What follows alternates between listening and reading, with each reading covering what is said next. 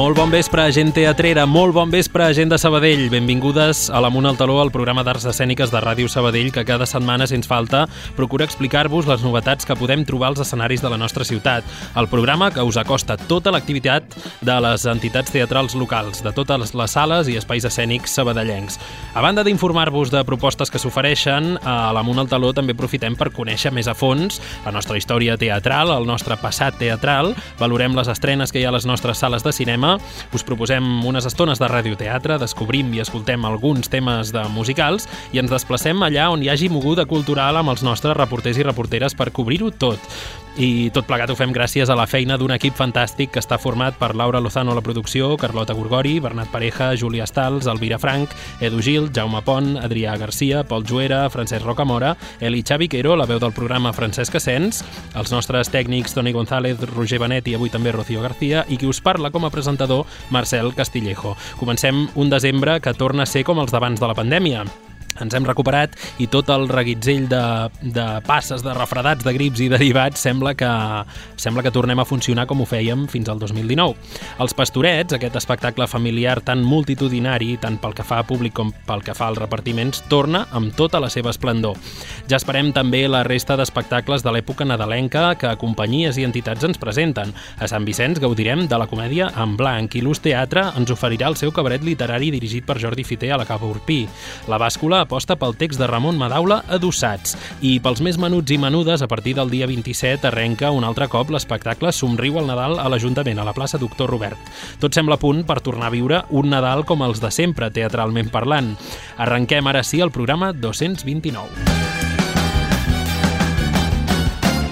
Amunt al taló. Repassem ràpidament els continguts de l'Amunt al taló d'avui.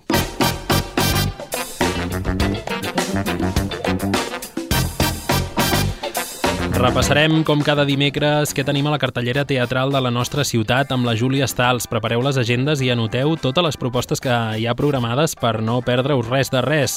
Amb la companyia Manolo Alcántara parlarem de Deja Vu, un espectacle que arriba a Cal Estruc el dia 17 de desembre a les 8 del vespre. No us el perdeu. Després de l'entrevista, ens convertirem en infiltrats amb l'Adrià Garcia, el nostre reporter, i és que aquest darrer cap de setmana hem volgut parlar amb les participants del Quinto del Ciervo, la mítica activitat de l'entitat durant el mes de desembre. Com estan anant els primers dies de Quinto al barri de Gràcia? Ho investigarem.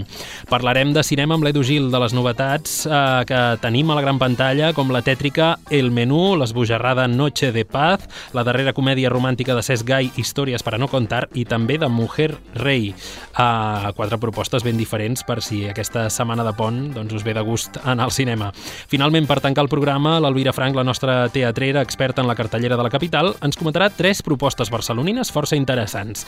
Bonobo, amb dramaturgia i direcció de Josep Julien, eh, sobre un fet que ell mateix va presenciar i que el va trasbalsar, la mort de Niones, un jove de Ripoll perseguit per la policia una road movie que toca un tema bastant polèmic, com és la captació de joves per a cometre accions terroristes. També comentarem Moriu-vos, un espectacle dirigit per Joan Arquer a la Sala Petita, amb Ima Colomer, Oriol Genís, una proposta sobre l'envelliment amb dignitat, sobre la transformació del cos, sobre la por al pas del temps i, al final, sobre l'edatisme.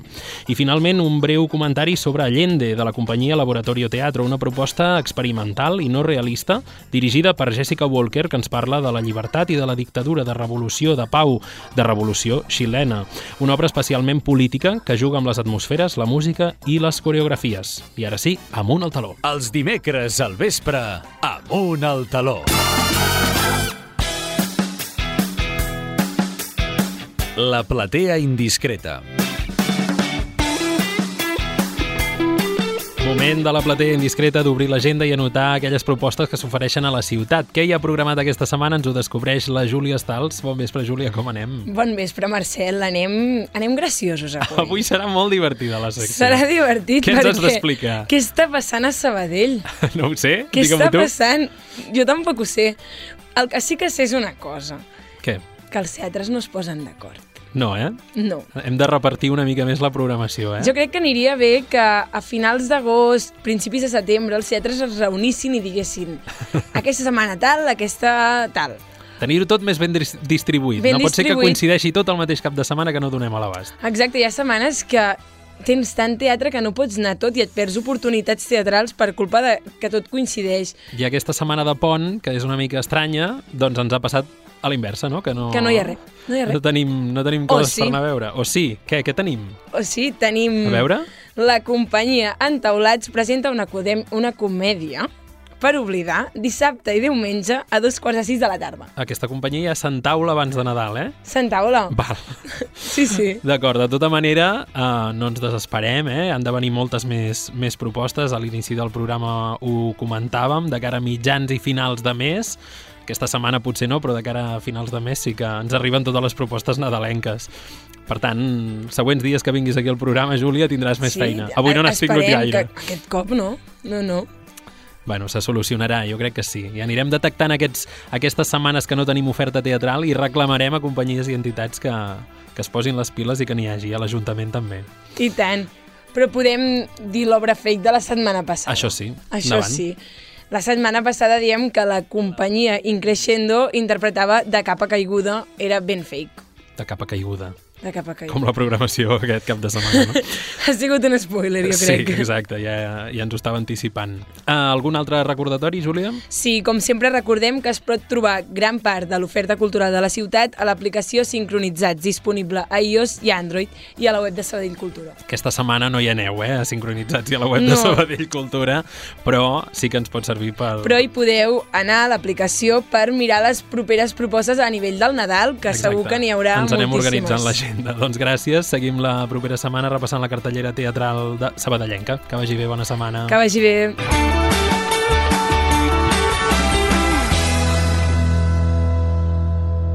Amunt al taló, el teatre de la ciutat, a la ràdio.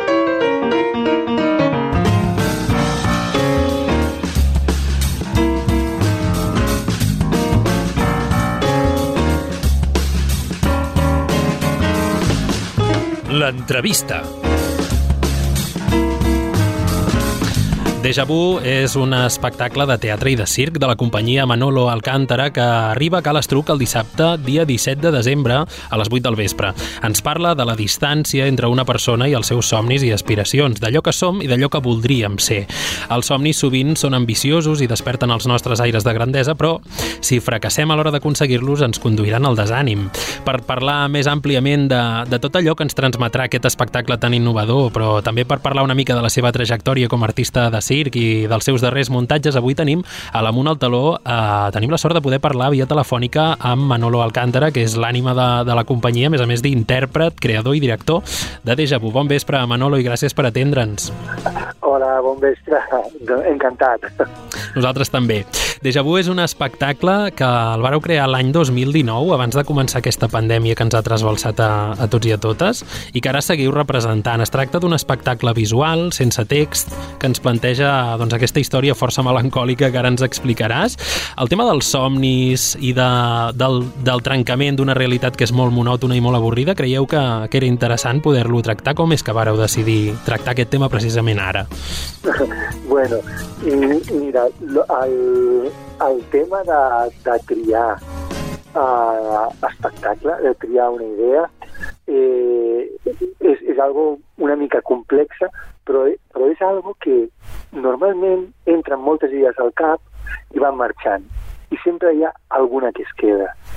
I aquesta idea, que en un principi volia posar, va canviar molt, eh? però que voli- volia posar a moviment a, als objectes d'un fotògraf, es va convertir en el treball d'un antiheroi o una persona abocada una mica a, al desànim per, per això que, que has dit, no? per la distància que, que hi havia entre el que era i el que volia ser i que això tots ho tenim una mica. I, i una vegada que totes les idees que entren al meu cap, que entren, que entren moltes, queda, ja queda anclada i ja no et deixa dormir, és quan comences a, a tirar del fil, a tirar del fil per compondre l'espectacle. Espectacle que, a- a- en el meu cas, eh, es maduren durant tres anys, tres, una mica més de tres anys i mig ha durat el Deja Vu. Jo tinc unes creacions molt llargues, són, hi ha molta Mhm. investigació, hi ha, hi ha molta feina i, i, i, i surt d'aquí. Però no, no està, però, però a la pregunta no, no està triada per al moment, està tri, per al moment extern a mi, està triat per al, per al moment intern a mi. Jo treballo molt des de l'estómac, des de les tripes, sóc Mm. molt intuïtiu. I, i, i, i és per això que, que el que em costa és fer la tria. Però una vegada feta la tria i, i, i em, va, em va ajudar molt Uh, ja teníem molt material, estava investigant sobre, sobre això que t'he comentat, de posar en moviment a fotografies, a aerostàtic. Em va ajudar molt llegir un llibret, un llibre molt petit de Helman Melville que es diu Barleby l'escribiente. I aquí vaig dir, ja està, ja, ja sé el que vull. Amb tot el que estava treballant de posar en moviment a, a, al, a, a les fotografies, vaig canviar tot. Vaig canviar tot i vaig dir, ja sé el que vull i ja a partir d'aquí ja vaig començar a, a tirar a, a tirar per, per un camí, perquè eh, jo intento crear uh, des d'una de, des amplitud que després ho vaig acotant. I, I és el que va passar amb Deja Vu. Ja una vegada que ja vaig triar el personatge, vaig triar els objectes, vaig triar la sonografia, llavors ja estava tot molt, molt clar i, i, i és aquest antiheroi que et dic, que jo sempre m'ha agradat molt. És la figura del perdedor, del segon, que a vegades dius, no són tan perdedors, no, no, no perds tant.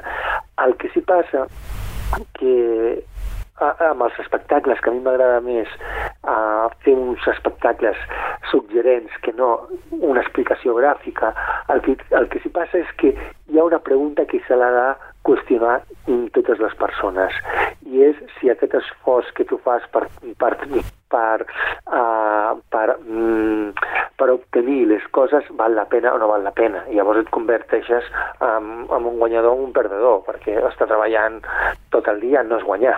Vull dir, llavors, uh, uh -huh. cuidar amb els perdedors que a vegades dius, no, no, de perdedor res.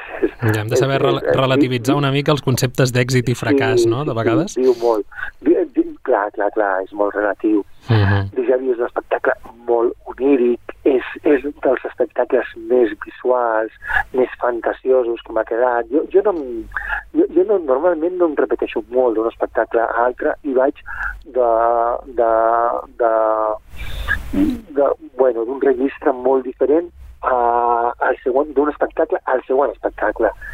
I, I és el que em va passar amb el, amb el Déjà Vu, un espectacle que m'ha quedat, jo que vinc del món del circ i sempre he fet un circ molt contemporani, Mm. aquest espectacle té una frontera entre el teatre físic Mhm. i, i el circ, i és que, bueno, des de mm, fa molt de temps i, i, i amb el meu bagatge és un circ contemporani que ha anat agafant coses de fora del circ, fora del circ, però sempre amb, un, amb una mirada de circ i, no sé, hi ha un titella.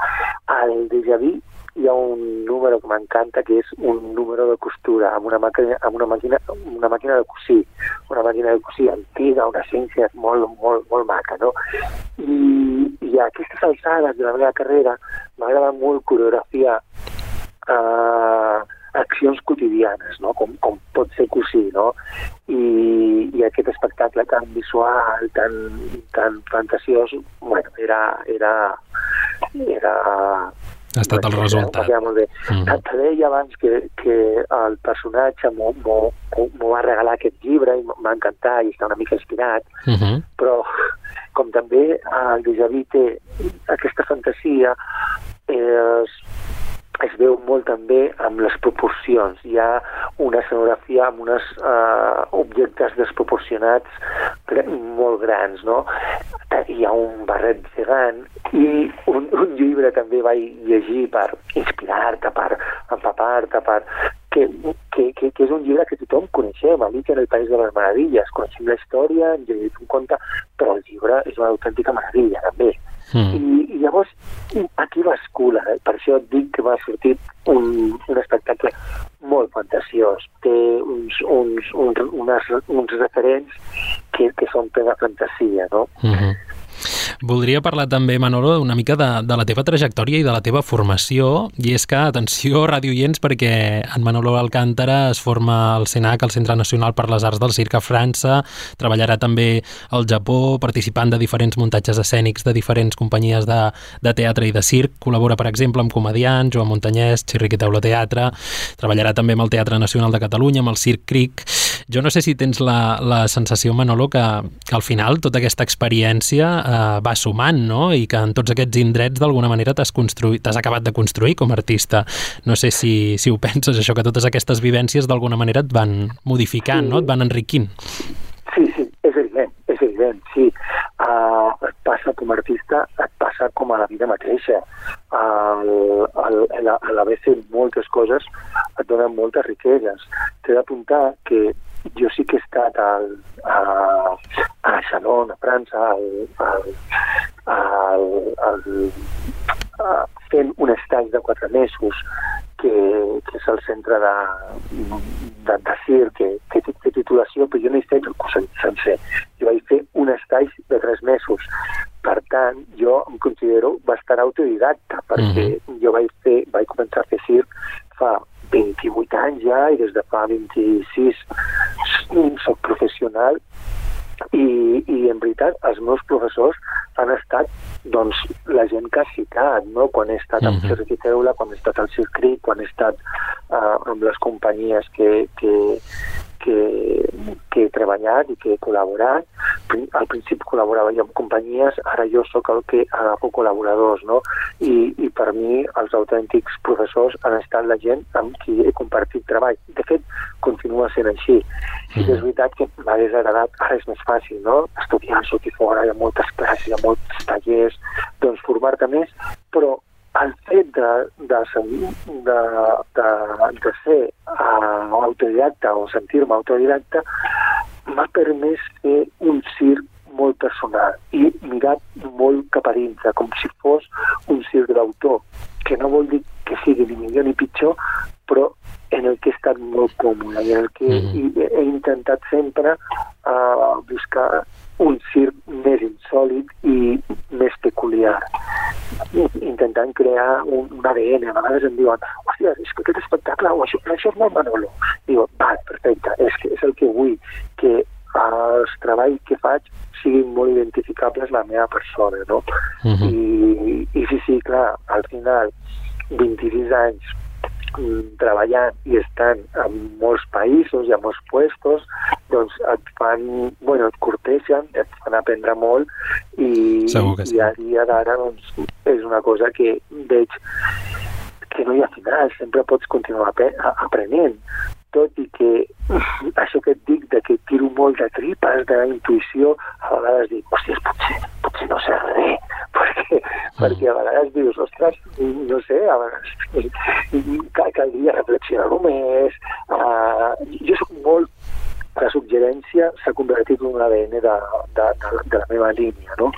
de, de, la, de la companyia, i a vegades dius, hòsties, uh -huh. uh, potser sí que a vegades has d'explicar bé les coses, i, i, però m'agrada molt deixar lectures obertes a, a les persones.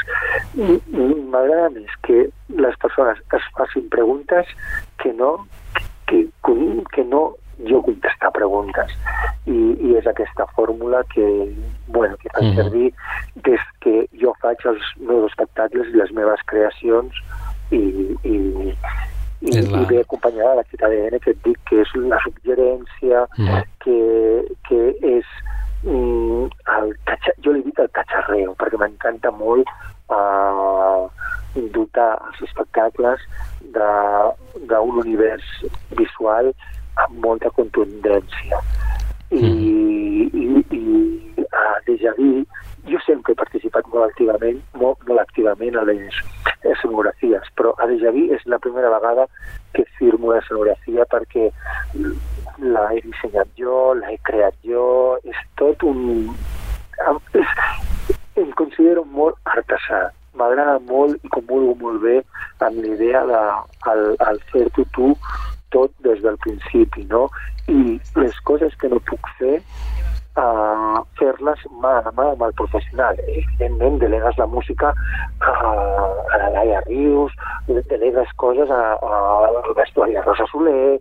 Sigui, clar, clar que som un equip molt gran que vam fer de Javí a escenari som quatre persones, en gira som cinc persones, la companyia són set persones, però, però sempre a les persones que tens delegada una feina és un, una conjunció i una, una comunicació directa, no? Uh -huh. I, i, I és això, mig camí entre artista i artesà, que, que m'agrada uh -huh. Uh, per crear aquest circ tan, tan personal i tan de segell que és el que defenso. Uh -huh. Amb la companyia Manolo Alcántara crearàs també Rudo, a, a banda de Deja Vu. Um, Deja Vu, que és aquest espectacle que recordem podrem veure que l'Estruc el pròxim dia 17 de, de desembre. Manolo, crear muntatges propis, poder-los idear, pensar-ne la dramatúrgia, preparar-los, representar-los, et sembla més interessant o t'ha més, potser que ser només un, un artista executor? Suposo que sí, suposo que sí. Uh, jo crec que molts artistes tenen un tant per cent de creador i un tant per cent d'intèrpret. Mm. Eh, I jo vaig estar molt de temps uh, considerant-me considerant intèrpret. I, I des de fa, no sé, un, un, dos, tres espectacles, ja em considero intèrpret i creador. Uh, és evident que són dues coses diferents i que les dues coses estan molt bé, vull dir, no, no pot ser un mal creador, un bon intèrpret o, o al revés, o viceversa, no? I, i, I a la música, per exemple, està molt clar, hi ha intèrprets de, de música clàssica super reconeguts, super bons músics i, i creadors que, vull dir, que, que, que, que sempre sem, que, que es pot entendre de que creador, oh, que bé, intèrpret, no, no, no és així, no és així. El que sí és veritat és que el pas aquesta proporció que et dic de que tothom té una mica de creador i una mica d'intèrpret, uh, aquesta, aquests vasos comunicants jo els, els he anat uh, anivellant i ara estic en un moment que em puc considerar les dues coses, intèrpret i, i creador. Mm, jo um, no, no em considero uh, director perquè no he dirigit res a cap persona, però sí em considero que tinc la capacitat de dirigir-me a mi mateix. Per això em mhm. dirigeixo als meus propis uh, projectes. Em passa el mateix amb el tema de la escenografia. No em considero escenògraf perquè no he escenografiat res per altres companyies, però, em, a, a, em, però considero que tinc la capacitat de coreografiar, eh, de, perdó, coreografiar-me, de, de fer les meves escenografies. I, i, i, i aquesta uh, i, i treballar tot aquest ventall, tot aquest vessant des de tan íntegrament als espectacles, suposo que sí, que et fa aprendre molt o jo he après molt, mm. perquè has d'estar uh, solventant uh, dificultats contínuament. I, I aquestes dificultats, uh, una vegada que estan solventades, que estan, doncs, bueno, són un aprenentatge que fa, fa que els reptes que et vulguis uh, tirar a les esquenes puguis arribar a, a, a bon port, no? I, i, i de fet, amb el Rudo que vas que has parlat, o amb el déjà vu que portem ara, el plex que hem portat, que hem portat fa, el vam estrenar el 2010, doncs ens ha anat molt bé, la companyia ha viatjat molt, uh, no deu ser fàcil per això, no? O, o no deu ser habitual en el món del circ o en la indústria de les arts escèniques això, no? Poder triomfar i poder exportar durant tants anys una proposta que has creat tu, no? Un muntatge teu. Triomfar és treballar. En el mm. nostre sector, triomfar és treballar. Que, que tu tinguis la capacitat de fer un espectacle eh, ho, ho fem molta gent, ens, ens agrada, és la nostra vida i gairebé és el més gratificant. Una vegada estrenat, uh, ja ve un alt, ja ve, és quan ve el, realment el turmalet, el, sí. la, la, la distribució... Sí, és difícil. El que passa és que jo crec que en veritat a la vida no hi ha res, fa, res fàcil. Si vols emprendre qualsevol projecte de qualsevol uh, història, no, no, no, no, no ho tens fàcil. Has d'estar, de, has, has de picar pedra i, i, i tant per tant, com res és fàcil, el millor és que facis el que és passional i el que t'agrada. Jo la meva feina és la que vull fer. Jo sempre dic, hòstia, és que potser no em jubilo mai, perquè mm. si, si, si mentre que el cos em permeti uh, uh, uh, estar a dalt d'un escenari, jo vull estar. Jo ara estic en un moment en, en el que el físic ja em passa molta factura. Uh, els espectacles es fas um, um, el moment vital que tens en el moment. És una obvietat, però és així. I el meu moment vital, als 52 anys, i amb lesions, i amb una mancança d'energia, perquè no és el mateix quan tens 25 anys que quan tens 52, he, he de filar molt prim i canalitzar aquesta energia.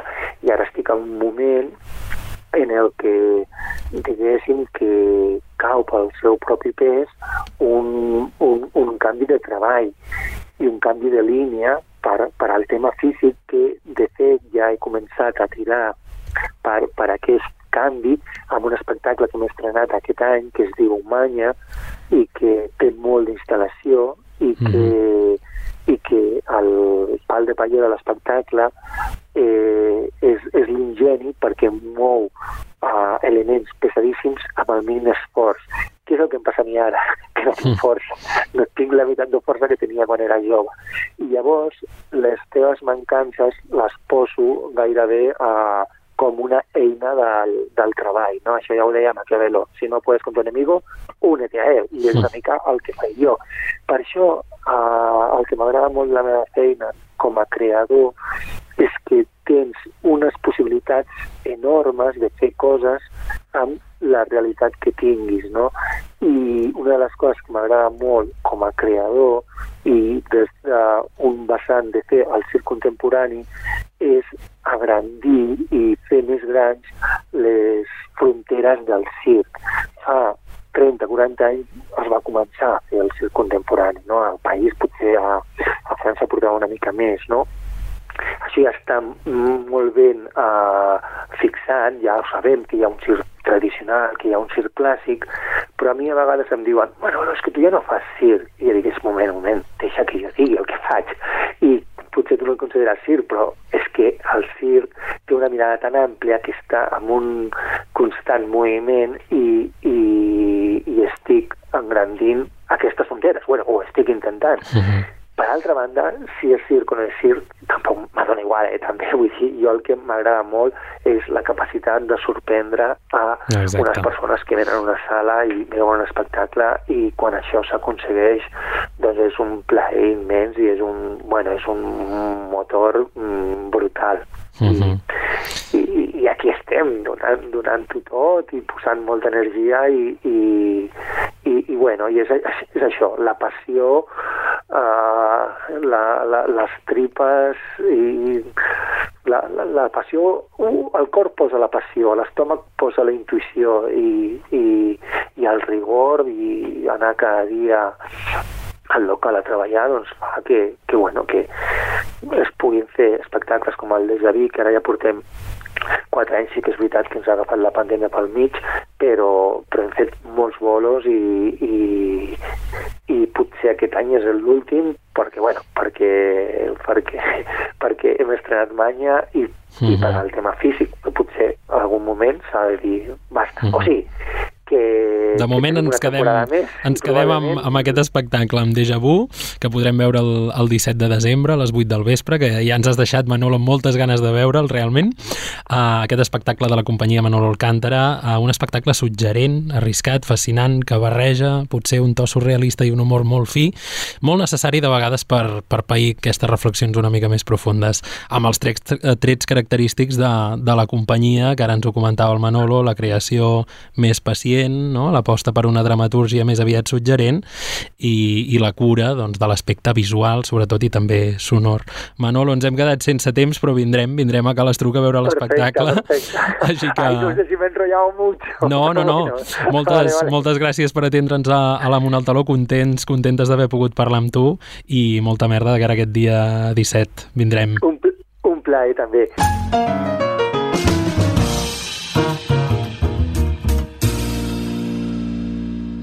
Amunt al taló.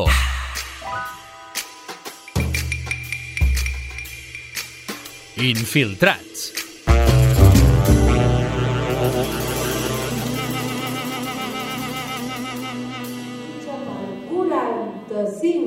Molt bon vespre. Avui, com cada any, ens infiltrem al Quinto del Ciervo, el quinto de tota la vida, que es farà durant tot el Nadal de Sabadell. Parlarem amb l'Àlex Gionar, que és un dels i també col·labora amb altres feines en el quinto, i també amb dues participants que han tingut molta sort. Anem a veure què n'opinen. Endavant! Regala, regala petons, regala, regala petons. Doncs bé, doncs avui estem infiltrats aquí als primers dies del quinto del, del Ciervo. Com esteu valorant aquests, aquests primers dies? Bueno, pues, positivament, perquè els primers dies sempre a la gent li costa més de venir, però lo important i interessant és que un any més pues, es pugui tornar a fer al Ciervo unes sessions de quinto nadalenques tradicionals i que en mica en mica es pugui omplir sala i divertir la gent un any més i això és molt interessant. Uh -huh. I tu exactament què, què fas en el quinto? Bueno, jo, els que venim a ajudar, més o menys sempre fem de tot, eh? tot el que requereixi la sala. Jo concretament pues, soc potser més lloro, eh? jo sóc el que canta els números i, i porto una mica pues, el ritme de la sala perquè la gent pues, s'ho passi bé i vagi marcant els números amb, amb, amb la festivitat que és eh, el que és un quinto, no? Eh, diferenciat d'un bingo, unes coses d'aquestes així, que aquí hi ha pues, molta més festa i molta més xerinola, no? I llavors pues, també s'ha d'ajudar en sala, pues, es pot fer de cap de sales, de cobradors, de qualsevol cosa positiva per tirar-ho endavant. Perquè per ser eh, lloro, què s'ha de tenir o què s'ha de fer? Bueno, el lloro és molt important, perquè el lloro porta una mica amb la seva dinàmica de cantar, amb la seva harmonia i d'allò, porta la veu de la sala, vull dir, si encoratjar la gent, de que no, de que no ho vegi pausat, de que es diverteixi una mica i estigui entretingut sempre valorant el número que sortirà, si va una o no, i interactuar una mica des de dalt amb el micro amb la gent que està marcant les fitxes, no? És bastant important, sí. I he vist que aquest any teniu el lema de el quinto de tota la vida. Per què el quinto del Ciervo eh... bueno, és de tota la vida o què, què, què el fa diferent? És que és la tradició, és que no es pot perdre la tradició. Vull dir, hi ha molta gent que ja ho espera. Vull dir, fins i tot hi ha gent que em diu oh, és que, hosti, doncs per l'estiu o... Eh, nosaltres havíem valorat fins i tot per Sant Joan fer una cantada de quinto. I dius, hòstia, a l'estiu? Però si això no és d'hivern i no és de, de, de Nadal. I, I, de fet, és per això que agrada, perquè només es fa a les èpoques de Nadal. Et pot agradar molt, et pot agradar molt, però que només es fa ara, en aquestes èpoques, la gent ho espera. Després, durant tot l'any, la gent ja no vindria. No, no, si això es convertís, exacte, si existís durant, durant tot l'any, bueno, exacte, es perdria l'il·lusió, la gràcia, fins i tot en les sessions de tarda que venen els nens, nosaltres fins i tot també en les èpoques ja doncs més dies de Reis que donem regalets i tot a la canalla, Clar, això és tradició i no és el que no hem de perdre. Ja per acabar, què els diries als nostres oients perquè per animar-vos que vinguin a, a veure'ns al Quinto i a participar? Justament això, que aquí és casa vostra, que us esperem i que segur que eh, us ho passareu molt bé i us farem divertir, home, i tant. Va, d'acord, moltes gràcies. Que siguis feliç,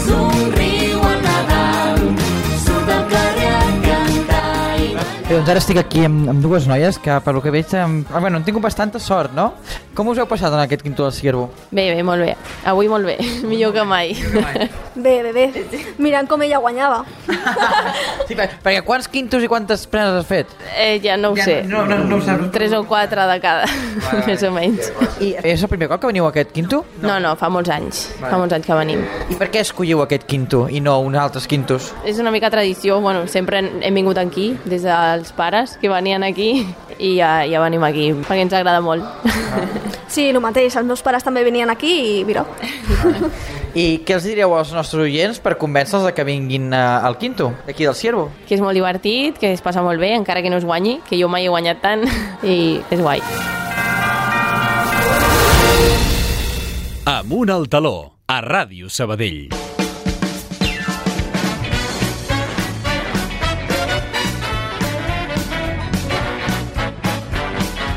Gran pantalla. I avui ens visita l'estudi l'Edu Gil i això vol dir que hem de repassar algunes novetats que tenim a la gran pantalla, a la cartellera dels cinemes Imperial i Eix Macià. El nostre cinèfil de capçalera ens ajudarà a valorar i a puntuar avui El Menú, un film inquietant i retorçat sobre les excentricitats d'un famós xef, Històries per a no contar, la nova comèdia de Cesc Gai amb un repartiment de luxe plena de situacions exagerades i Noche de Paz, una pel·lícula molt boja, amb David Harbour que encarna un Santa Claus decadent però molt, molt heroic, eh? Edu, què tal? Hola Marcel, Com, has, com veus la cartellera en general aquests Mira, dies que s'acosten ah, festes? Entretinguda per poder, per poder passar una bona estona i distreure'ns una mica, que això és el que importa. Però hem de saber això, eh? Seleccionar, Triar. sí, no? Sí, sí, sí, això és important. Per tant, avui ens guiaràs una mica. Si et sembla, comencem amb el menú. Uh, recordem una mica l'argument a la ràdio Iens, un grup de persones benestants, una parella gran, un grup d'empresaris, un actor famós, uns crítics gastronòmics, viatgen a una illa on el rebrà un cèlebre xef i el seu equip. Al restaurant exclusiu d'aquest cuiner se'ls servirà un exquisit menú, però l'experiència va degenerant mica en mica i els comensals comencen a adonar-se que ells i elles mateixos i mateixes formen part d'aquest menú, no? d'aquest àpat. Com l'has vist, aquesta? Bueno, mira, l'argument recorda una mica pel·lícules com La Invitació o algun capítol de Black Mirror, que et planteja allà en una situació i, i acaba convertint-se extrema. Sí.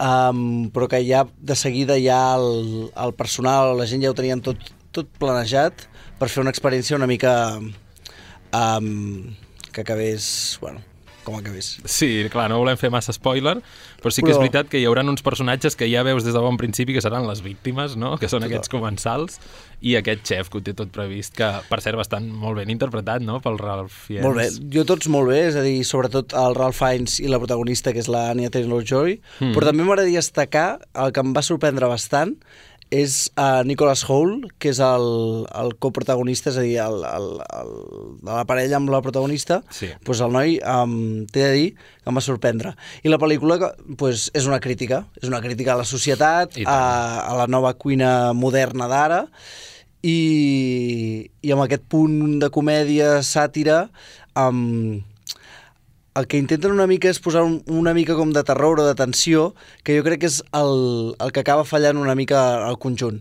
És a dir, la pel·lícula està molt bé a la part crítica d'humor, uh, Sí. on funciona millor és l'humor, i Està després bé quan... que hi càpiga l'humor. Totalment. És que és a dir... si no, no pots destensar, no? no Exacte. És a dir, sobretot, gran part és l'humor, i és on funciona, la veritat. Però, eh, tema de, mm, amb el tema de tensió o inclús eh, aquest mig terror o que intenta ser, per mi és on falla. No sé si comparteixes tu, Marcel. Sí, sí, sí, sí. Jo a la part d'humor la vaig agrair, la veritat. Que haguessin és com els és- és- personatges queden molt ridiculitzats, els. Exacte, i entre bé és... Bueno, és el punt que comences a descobrir les coses i, i mitjançant l'humor, Mhm. doncs està bé. Però... El Crescendo vaig trobar interessant que, que va degenerant més, més, més, més, més i al final arriba en unes situacions molt, molt recargolades, no? Totalment. Que, que també et desperta aquest, aquest humor, no? Aquesta comicitat. I la reflexió sobre aquesta societat que al final no? és molt superficial, o som uns aduladors o, o som uns estafadors, no? Vull dir, els diferents comensals hi ha una crítica darrere de cada comensal, no? Darrere d'aquests personatges. O sigui que bastant bé, no? I el guió què et va semblar? Bé. Nivell de guió... Bé, bé, i la direcció també, eh? Mhm. És a dir, ben pensada, planificada, amb, amb el seu punt de, de no saps per on pot tirar, però al final ja, ja t'ho diu des d'un punt i ja tira d'allà i, i, i acaba... Jo et destacaria, Edu, l'espai sonor. Vaig pensar que estava ben treballat perquè, clar, al ser, al passar en una cuina i haver d'estar no, eh, confeccionant aquest àpat, vas mm, captant aquests sons, eh, tan... Home, també està tan, bé. Tan, Sí, sí, sí, sí. De tant detall, no? Sí, sí, sí. Déu-n'hi-do, nota? Un 6. Tu li posaries un 7, no? Sí, potser sí. Jo, com vaig sortir un 7, però després pensant, dic, ah, no, no ho tinc clar. no és tan bona. No, és- vull dir, és un 6 que funciona molt bé com a crítica, Sí. i, i tots estan molt bé i de fet hi ha moments que estàs incòmode que és el que vol, i hi ha moments que rius el que passa que no acabo d'estar satisfet amb els moments incòmodes. Estic més, molt més satisfet amb, els, amb les estones de- d'humor. Mm -hmm. Passem a la segona proposta, que podríem anar a veure als cinemes, Històries per a no contar, un film de Cesc Gai que és un compendi de diverses històries còmiques que tenen a veure amb les relacions amoroses o, o d'amistat. Una noia que s'enamora d'un veí, una parella que no, que no s'ha explicat les seves infidelitats i que estan a punt de tenir el seu segon fill, un home ja gran que s'enamora d'una noia molt jove que li està prenent el pèl i se n'aprofita, o unes actrius amigues que s'expliquen mentides i històries inventades per amagar la seva pròpia realitat. Per tant, una crítica, Edu, a la, a la hipocresia no? i als secrets que de vegades en les relacions humanes mm, tenim, no? o tenim la necessitat de dir aquestes mentides que vés a saber per què, no? per amagar el, la Cosa realitat. que ja va fer amb l'última pel·lícula, que era Sentimental. Um, Gay sempre entra bé, sempre són cosetes així quotidianes que fan riure, treuen un somriure, i que ja va fer també amb Sentimental, va fer amb Una pistola en cada mano, que ha fet per mi um, és bastant superior a aquesta. Aquesta el problema que té és que estan bé les dues primeres, estàs allà amb el somriure i entretingut, però després, um, a partir de la meitat, ja comencen a, a, a, a degenerar. És a dir, ja, ja, no, ja saps la novetat i les històries, no saps per què, comencen a ser com planes, no, no acaben de tenir aquell punt, aquella xispa, i, i va decaient el resultat. I és una llàstima per, per aquests grans actors, però tot i així és una proposta bastant entretinguda i, i interessant. I ja et dic, per mi les, les que més m'ho vaig passar, les dues primeres, que vaig pensar, ah, bé, bé, bé, bé. Pel·lícula Però... de, de diumenge tarda, potser? Sí, sí, sí, totalment, sí, sí, totalment. De fet, quan vaig anar estava ple la sala un diumenge, eh? Molt Vull bé, que... sí, sí. A mi em va recordar les típiques pel·lícules del Ventura Pons d'una mica de relats còmics un darrere de l'altre, Sí, no? Amb exacte, una mica com diferents. o, o Mil Cretins o una cosa així, sí, Exacte. sí, sí. Sí, sí, sí. I també una altra cosa que, que vaig pensar és que em sap greu perquè hi havia moltes, moltes, moltes d'aquests relats, d'aquestes històries que passen a Barcelona, en canvi, eh, la pel·lícula és en castellà. Uh, vull dir que també, També tenir-ho en compte, no? Això, Sí. que la producció, els artistes, els intèrprets que hi ha, no? Um, són espanyols, per tant la pel·lícula és, és en castellà. Però bueno, és curiós això també. És curiós. Eh, Quina... Quina, quina, és la que més, quina és la història que més et va agradar a tu, Ostres, no ho sé. de les cinc? Quina, de- quina dius tu, Edu? Jo la primera, La primera de totes. sí. Sí, déu nhi Sí. I, per mi, I la pitjor, curiosament... L'Anna Castillo. Exacte. La, curiosament, la pitjor acaba sent l'última. Mm. Sí, potser una mica la més fluixa. És, és com un... No, hi ha alguna potser que sí que és millor que l'altra. Home, aquí, Nora però- Navas, eh? tenim un, una Aquella- escena aquella ja està- aquella està bé. de les tres actrius que també m'agrada bastant. Sí, sí, sí. Però una mica va així, va per ordre de, de, de, de millor a pitjor. De millor a pitjor. Molt bé, nota, te l'he preguntat? No. Un 5. Un 5. Bueno, tampoc no... Eh, Déu-n'hi-do, puntues baix, eh, Edu? Ja, ja, ja. Jo he posat el 6, però per mi està millor el menú que aquesta. Mm. -hmm. Llavors hauria d'haver pujat la nota del menú, doncs... Molt bé, està sent coherent. I la última recomanació d'avui, que és Noche de Paz, que definitiva és una gambarrada, no? molt grossa. La nit de Nadal una família adinerada es reuneix a la seva mansió per celebrar les festes, però seran sorpresos per un grup de criminals assassins i acaben convertits en hostatges. Però tindrem l'aparició aquí del, del veritable Santa Claus, que és un paio francament acabat, molt desmotivat, que resulta que passava per allà, fent la seva feina i acabarà ajudant aquesta família usant els seus poders i recuperant les seves habilitats de guerrer extremadament violent. és a dir, que tenim el senyor, el sheriff Hopper de, de Stranger Things aquí, l'actor David Harbour, que es, conver es converteix en Pare Noel Totalment. guerrer, no? Exacte. És una gambarrada. És una barreja entre Solo en casa i La jungla de cristal, en una sola pel·lícula. Sí. I el que pretén és això, és que en- entretenir, a passar-ho bé i mostrar una mica de sang. Mhm. És bastant... té punts gore, que això a vegades s'agraeix. Sí, típica seqüència gore que els van aniquilant un rere l'altre, això ho tindrem, hi ha aquest Oh, i tant. ingredient. Oh, i tant, i tant. És a dir, les típiques escenes d'acció que sempre vulguis o no, en pel·lícules que, no, que són més comercials, no veus la sang o la veus molt poca. En aquesta la veus, i, i bé. Mhm. I es recrea, a vegades. Però... I ja ho esperes, no? També Totalment, una mica... totalment, des totalment. l'inici. L'únic problema que potser li veig a la pel·lícula, uh, un, escenes un pèl lentes pel, per lo que són, és a dir, per, per ubicar-te o, o, o inclús moments que s'acaben fent pesats que no cal, que dius, anem al gra, sabem el que anem i... Sí, sí. allà a la, a la part de lluita, però tot i així és, és entretinguda, uh, tu passes bé i surts amb un somriure, que és... Mira, S'agraeix el, el to gamberro, no? El Clar. to gruller d'aquest aquest Santa Claus que, que és així una mica alcohòlic, una mica, eh, diu tacos, no? Una mica... Uh, deu haver disfrutat molt realment l'actor fent aquest passat paper. molt bé. Exacte. I Sí, la sí. família, doncs, que també vi, viu situacions bastant disparatades, no? Clar, és, és a dir, bueno, és una família rica, tal... Aquests aquesta- hostatges també acaben Clar. sent bastant còmics, vull dir que no, no veurem patir ningú, no? No, no, no, ja tot ja... Molt bé, molt bé. Quina nota li posaríem? Clar, és que... difícil. És a dir, a dins d'una gambarrada, o dins del Dins que ve- d'aquest to, no? Dins D'aquest d'aquest to, clar, està bé, és un 6, ben merescut i, mm Mhm. -hmm. i agradable. que passa que dins d'un un, un to més a les pel·lícules que hem fet anteriorment, doncs llavors seria un 5. Però, però jo la recomano, sabent el que vas, um, i crec que val la pena. I a riure de, de, de lo irreal que Exacte, és, no? i de la situació i passar-ho bé, ja et dic. Uh, els moments de solo en casa estàs, estan divertits. Sí, és veritat, és veritat. Doncs ens quedem amb aquests tres títols, Noche de paz, Històries para no contar i El menú. Gràcies, Edu, per, les, per aquestes recomanacions, per aquestes valoracions i seguim en futurs programes comentant què tenim a, a la gran pantalla. De seguida que s'estrenin coses, tornem a cridar i tornes a venir. Perfecte, Marcel. Que vagi bé, moltes gràcies. Igualment.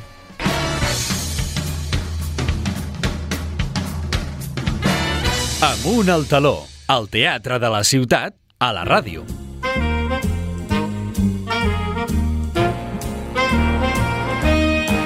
Teatre de Franc.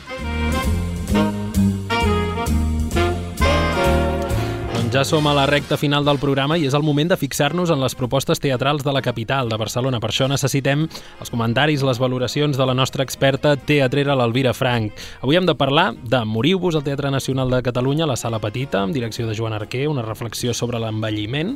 Bonobo, també al Teatre Nacional, a la Sala Tallers, amb text i direcció del sabadellenc Josep Julien, i Allende, un espectacle de la companyia Laboratorio Teatro. Elvira, Hola. anem carregats avui, eh? Anem Què tal? carregats de teatre. per on començarem I avui? tant. Comencem per morir-nos, Mhm. perquè com que no volem acabar morint-nos, doncs comencem per morir-nos. Bueno, Una creació de cultura i conflicte a la sala petita del TNC.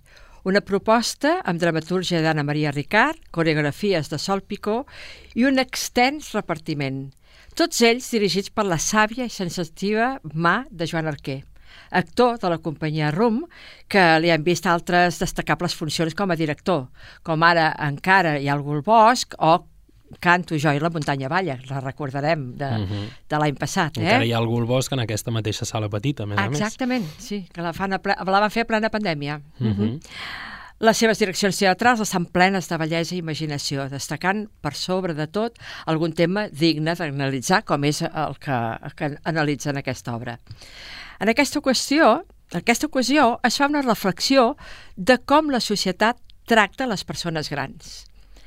Marginació, discriminació, aïllament, tractament com si fossin nens i apartats dels col·lectius que produeixen. Ara els vells ja no serveixen, ja no tenen vida pròpia. Quin tracte donem als nostres avis?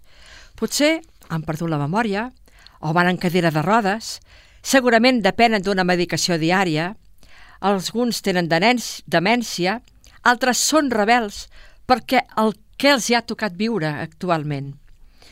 Algunes viuen soles, com ara l'Imma, fabulosament interpretada per l'Imma Colomer. Un personatge que dins la seva soledat s'imagina que té un fill que viu al Japó. No vol que algun dia la trobin mort al seu piset. Viu dels records, dels records de qui l'han precedit. Ningú sabrà mai d'ella, ni tampoc d'ells, dels que l'han precedit. Mai més se sabrà res. Per altra banda, veiem una residència de gent gran. Els fan cantar tots a cor. Els porten a passejar lligats i els deixen aparcats davant una televisió que a ells no els interessa.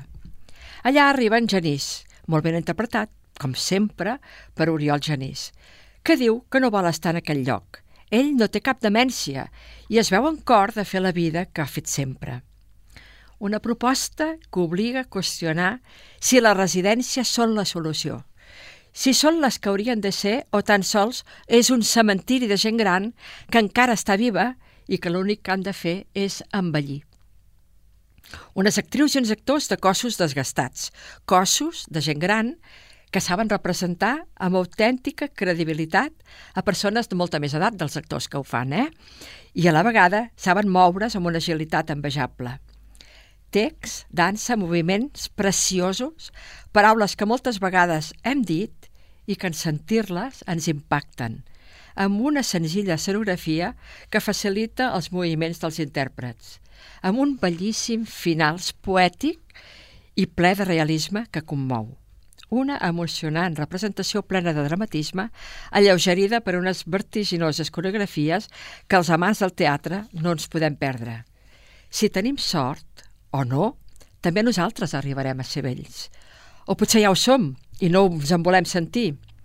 Segur que el que hem vist a l'escenari ens ha trasbalsat. Si no ho volem per nosaltres, tampoc ho hauríem de voler pels nostres ancians. Una proposta que la podeu veure fins diumenge, que ve el dia 11, però que segurament faran bolos, o sigui que esteu atents, si no hi Mhm. podeu anar, perquè a vegades al TNC fan això, mm, fan actuacions fora de Barcelona.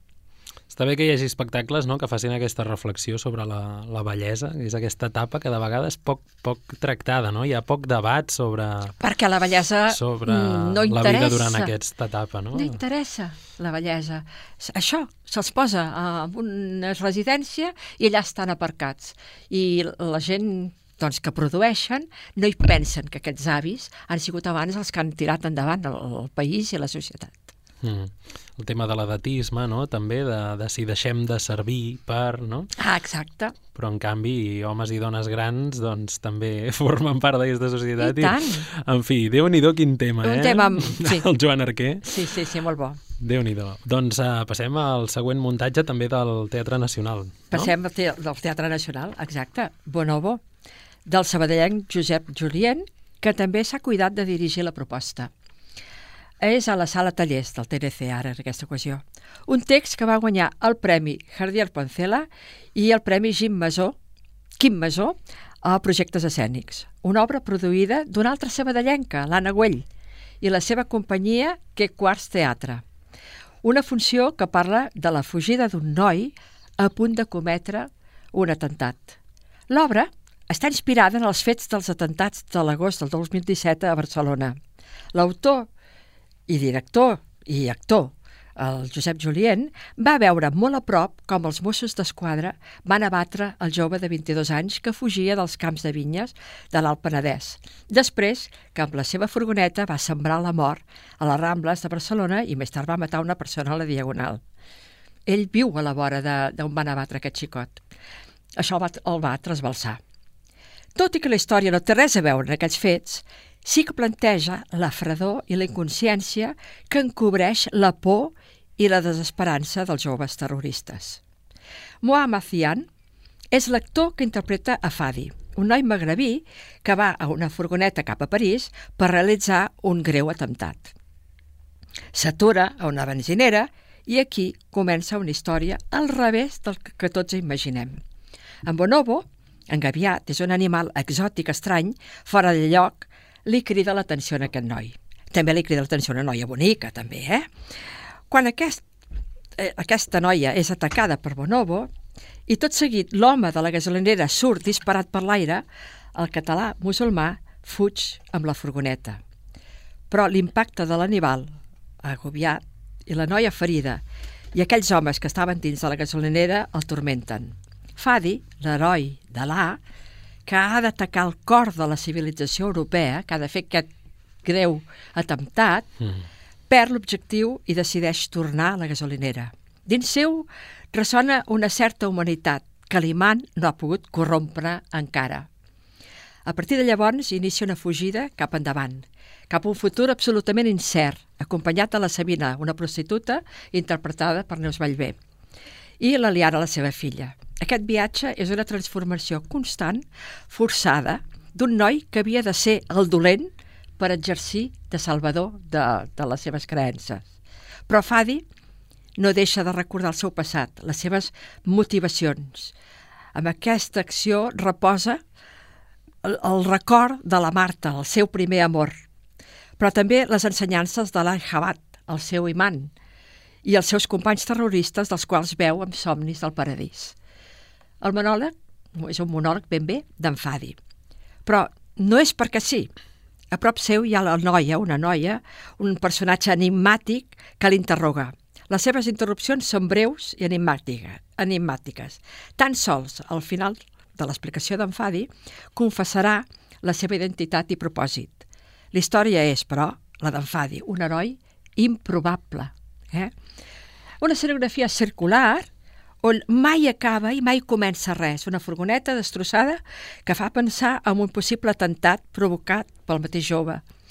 Una il·luminació força impactant, amb reflexos molt suggeridors, un espai sonor fantàstic manipulat per l'actriu Neus Vallvé i al fons, al fons una, unes filmacions. Com a nota negativa, per mi, penso eh, que els actors van microfonats, Detall que crec que no és necessari en una sala com les característiques de la sala tallers i que els atreu, els treu autenticitat. Mm, jo ho hagués fet a viva veu. Els actors es poden expressar més bé, uh -huh. eh? poden, eh, no sé, expressar més els sentiments. Així tot és una oferta que cal veure. Diumenge va ser l'últim dia de la representació, però, com deia abans, el TNC generalment fa bolos. Si podeu, aneu-hi. Sí, una proposta també amb un tema central molt polèmic, no? I que, a més a més, és un... el tema circula de fons, no?, d'alguna manera, perquè sí. aquesta road movie que ens planteja en Fadi... Sí. No? Mm, el... Ens fa pensar una mica que si som tots una mica bonobos si estem tots engaviats dintre les nostres creences, dintre el que ens posen en el cap, eh? que en aquests xicots potser diem que, que els hi renten el cervell, però nosaltres potser també, ens, tots estem com engaviats eh? dintre de, de la nostra societat. Mm -hmm molt misteriosa i molt evocadora, no?, també, perquè tot aquest relat que, que va fent el protagonista mm. realment te'l vas imaginant, mm-hmm. no?, aquesta aventura que ell va vivint. Mm-hmm. Déu-n'hi-do. I la tercera i última proposta d'aquesta setmana. La tercera, més ràpida, Allende. Vinga. Per la companyia Laboratori de Teatre, a la mateixa seu del grup teatral del Petit Passatge de Sant Antoni de Barcelona. L'any passat, quan tenia reservada l'entrada, la van haver de suspendre per culpa de la Covid. Per tant, ara que l'han tornada a representar, no me l'he volgut perdre. Corrents a agafar l'entrada. Molt bona representació a la línia del que sempre fan aquesta innovadora companyia dirigida per Jessica Walker i representada amb passió per totes les actrius i actors d'aquest original grup. Oferint un treball d'experimentació on encomanen la seva emoció en explicar uns fets que la mateixa directora i intèrpret va viure en primera persona quan tenia 10 anys, que va ser el cop d'estat de l'11 de setembre de 1973 a Xile. Un homenatge al president mort i enderrocat pel feixisme en Salvador Allende, però també detallant la història del poble xilè. Uns llums penjats i una munió de sabates a terra, les sabates totes, a tot el vol de l'espai escènic, hi ha les sabates a terra, recordant els torturats i morts que componen aquesta l'austera escenografia. No hi ha res més, eh? Moviment, expressió corporal, text sorprenent, canvis de vestuari i de personatges amb una rapidesa brutal, coreografies desconcertants, música gravada i en directe també interpretant cançons populars xilenes. Algunes cançons més simbòliques recordant a Víctor Jara, no sé si el coneixeu, Víctor Jara, un, can, un cantant que el van agafar justament uh, dintre del cop d'estat i com uh -huh. que era un cantant, diguem-ne, com el Llach o com el Raimon, diguéssim, no? Sí. Uh, li van tallar les mans. Mare meva. Fins que el van matar. Eh? Però la primera cosa deia que una guitarra, el, el que van assaltar, que una guitarra fa més mal que una metralleta. Uh -huh. I això es diuen a l'obra. Mm, bé, també hi ha fragments dels escrits de Pablo Neruda, que tots coneixem, uh -huh tot es barreja sense cap fil conductor convencional, sinó que es va succeint les escenes desordenadament, detallant la joventut i la vida familiar del líder socialista Salvador Allende. L'eix principal, com he dit, és el, cap, el cop d'estat de l'11 de setembre de 1973, on Pinochet va derrotar els tres anys de govern socialista per sota que hi havia la mà del Nixon en una guerra freda, eh? Als americans no els hi convenia que hi hagués un estat socialista tan a prop d'ells. Eh? Llavors van anar forjant eh? i... i... Tot això a l'espectacle també circula una sí, mica sí, de fons, sí, sí. eh? I tant, i tant. Eh, no és que m'ho estigui inventant i que ho estigui Mhm. dient, sinó que això a l'espectacle ho diuen clarament. Eh? Mhm. Moments molt durs, amb fotografies esgarrifoses de les víctimes que defensaven la democràcia, tortures i mares desconsolades, morts, mutilats i violacions. Però el poble canta i s'uneix, i el seu cant encara perdura, segons diuen en l'obra. L'esperit per la pau i el cant per la llibertat és el que flueix. Potser en aquesta ocasió anava amb unes expectatives molt, expectatives molt altes, ja que després de veure fa poc la representació de l'Orca, que en vam parlar aquí en el programa, mm. esperava més. I aquesta funció d'Allende la vaig trobar menys treballada, molt cridada i amb recursos més innovadors que l'anterior. Així tot, us recomano que no us deixeu perdre qualsevol representació d'aquest grup. Segur que serà una experiència diferent i que no us deixarà indiferents per res. Home, tu ets molt fanàtic, Elvira, d'aquesta companyia de Molt. Laboratorio Teatro, sempre ens la recomana. Perquè és una cosa diferent del que, el que s'està fent de teatre. Llavors s'ha de veure tota classe de, tota Mhm. classe de teatre. I No, per està això clar que aquestes atmosferes que creen a partir de, de, tots aqu de totes aquestes seqüències ha de ser realment molt interessant. Molt, molt. Doncs gràcies, Elvira, per aquests tres comentaris d'avui. Dimecres que ve seguirem parlant de les propostes que podem anar a veure a les sales barcelonines. Exacte. Que vagi bé. Bon Vinga, vespre. adéu-siau.